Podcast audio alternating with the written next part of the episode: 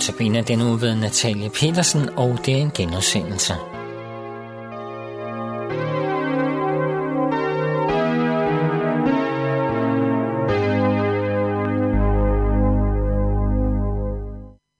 Jeg har længe gået og tænkt over, hvad jeg skulle dele med jer lyttere.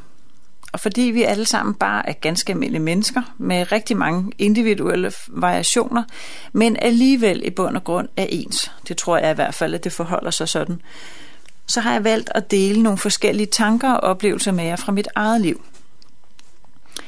Som så meget andet, så går det jo op og ned her i livet.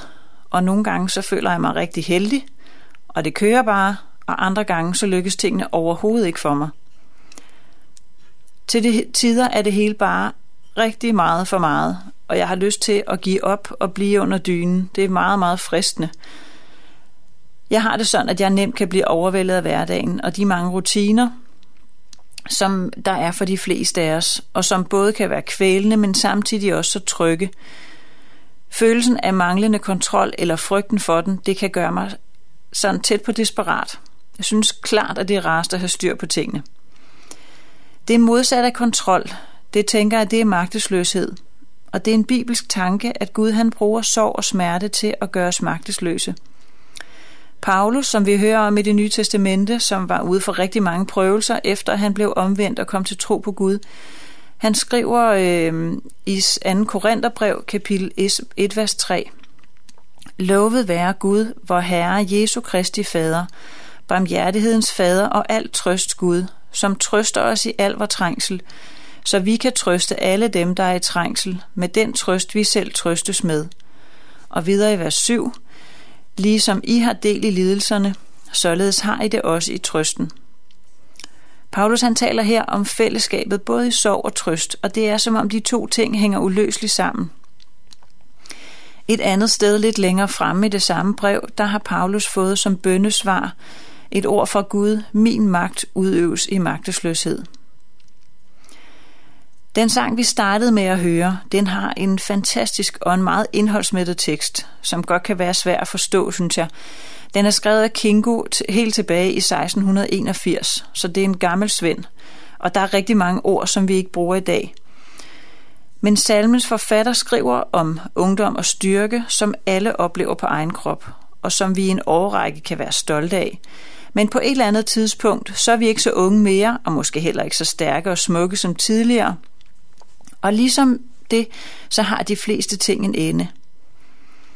Jeg møder det ofte i mit arbejde som fysioterapeut til daglig, at mange ældre eller yngre for den sags skyld, der er ramt af sygdom, har rigtig svært ved at affinde sig med, at de ikke kan det samme længere, som de kunne tidligere.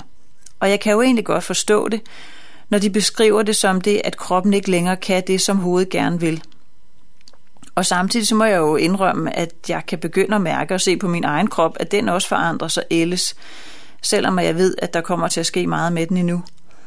Og jeg synes, der er et vældigt paradoks i menneskelivet, som Kingo salme også handler om. Sorg og glæde, medgang og modgang, solskin og skyer, rigdom og uro. Kingo taler om en foranderlig lykke. Det er et tema, der går igen i livet, og vi har jo et meget kendt ordsprog, der hedder græsset er grønnere hos naboen, som jeg tænker netop beskriver den her lykke, der meget snart forandres. Vi jager afsted for at søge lykken og finder den måske momentant, men mere vil have mere. Og fordi vi ofte forestiller os netop, at græsset er grønnere over hos naboen, så må vi videre. Vi forestiller os hele tiden at kunne få noget mere og noget bedre – og jeg tænker bare, at vi ikke kommer til at jage gennem livet, og til slut kan se tilbage på sådan en eller anden hvileløs søgen efter noget andet og noget mere, som vi aldrig har, har fundet. Jeg kan selv let blive meget optaget af det med et godt helbred, og det at leve sundt, af anseelse og anerkendelse, af materialistisk velstand og en god økonomi, der ligesom giver plads til, at man kan, om man så kan sige, rokke lidt med ørerne, og det betyder selvfølgelig også meget for mig, at mine børn klarer sig godt, at de har gode kammerater og trives, at min mand stadigvæk elsker mig, at jeg udvikler mig i mit arbejde og bliver lagt mærke til, at mine kollegaer på en positiv måde, at mit hus og hjem det er præsentabelt, og at der ligesom er styr på sagerne. Måske er det helt andre ting, der betyder noget for dig, og blandt dem, du mødes med og omgås med i dagligdagen. Det jeg gang på gang må undre os over hos mig selv, det er, at jeg er så optaget af det, der hører livet her på jorden til. Og selvfølgelig er det her, jeg er nu, men der er bare så mange løfter i Bibelen om, at himlen har ene lyksalighed stand, og himlen er ene af salighed fuld. Det sidste vers i Kingos salme, det lyder sådan her. Lad da min lod og min lykke kun falde, hvordan min Gud og min Herre han vil. Lad I kun Avin udøse sin galle, lad kun og verden fulddrive sit spil. Sorgrig skal dø, salighedsfrø, blomstre på himmerigs dejlige ø. Der tales om curlingbørn. Det har du måske hørt det udtryk. Og det er nogle børn, de curlingbørn, det er nogen, der sjældent eller aldrig møder problemer eller modgang, fordi forældrene overbeskytter dem. Sådan en forælder er Gud ikke. Mange mennesker lever nok med en tvivl på, om Gud virkelig elsker dem, fordi hvis han gjorde det, og hvis han fandtes, så ville han ikke lade alt det ske, som fylder enormt meget et liv.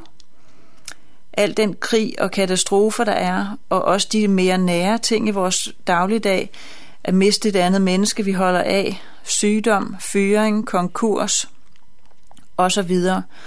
Og djævlen han stikker igen sit sande ansigt frem og så tvivl. Kan det virkelig passe, at...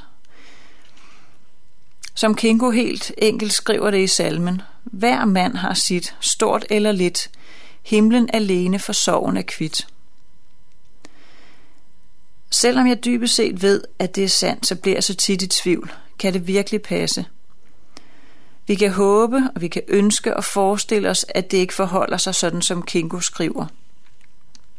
Men jeg tænker alligevel, det er en sandhed, og det kan det ikke ændres ved. Det tror jeg, der sidder mange lyttere her rundt omkring i Storkøbenhavn, og måske inklusiv dig selv, og kan bevidne. Og vi har alle sammen vores at kæmpe med. De andre kan bare ofte ikke se, hvad det er, vi hver især kæmper med i perioder og for nogens vedkommende livslangt kunne godt tænke mig, at øh, vi beder til Gud sammen. Tak, kære Gud, fordi det en dag er forbi. Tak fordi, at sorgen og alt det, vi kan være kede af og bange for, det skal, det skal slutte på et tidspunkt. Og tak fordi vi har lov til at håbe og har himlen i vente, hvor alle ting de bliver gode og rare igen. Og tak fordi vi, mens vi venter på det, må søge trøst hos dig. Amen.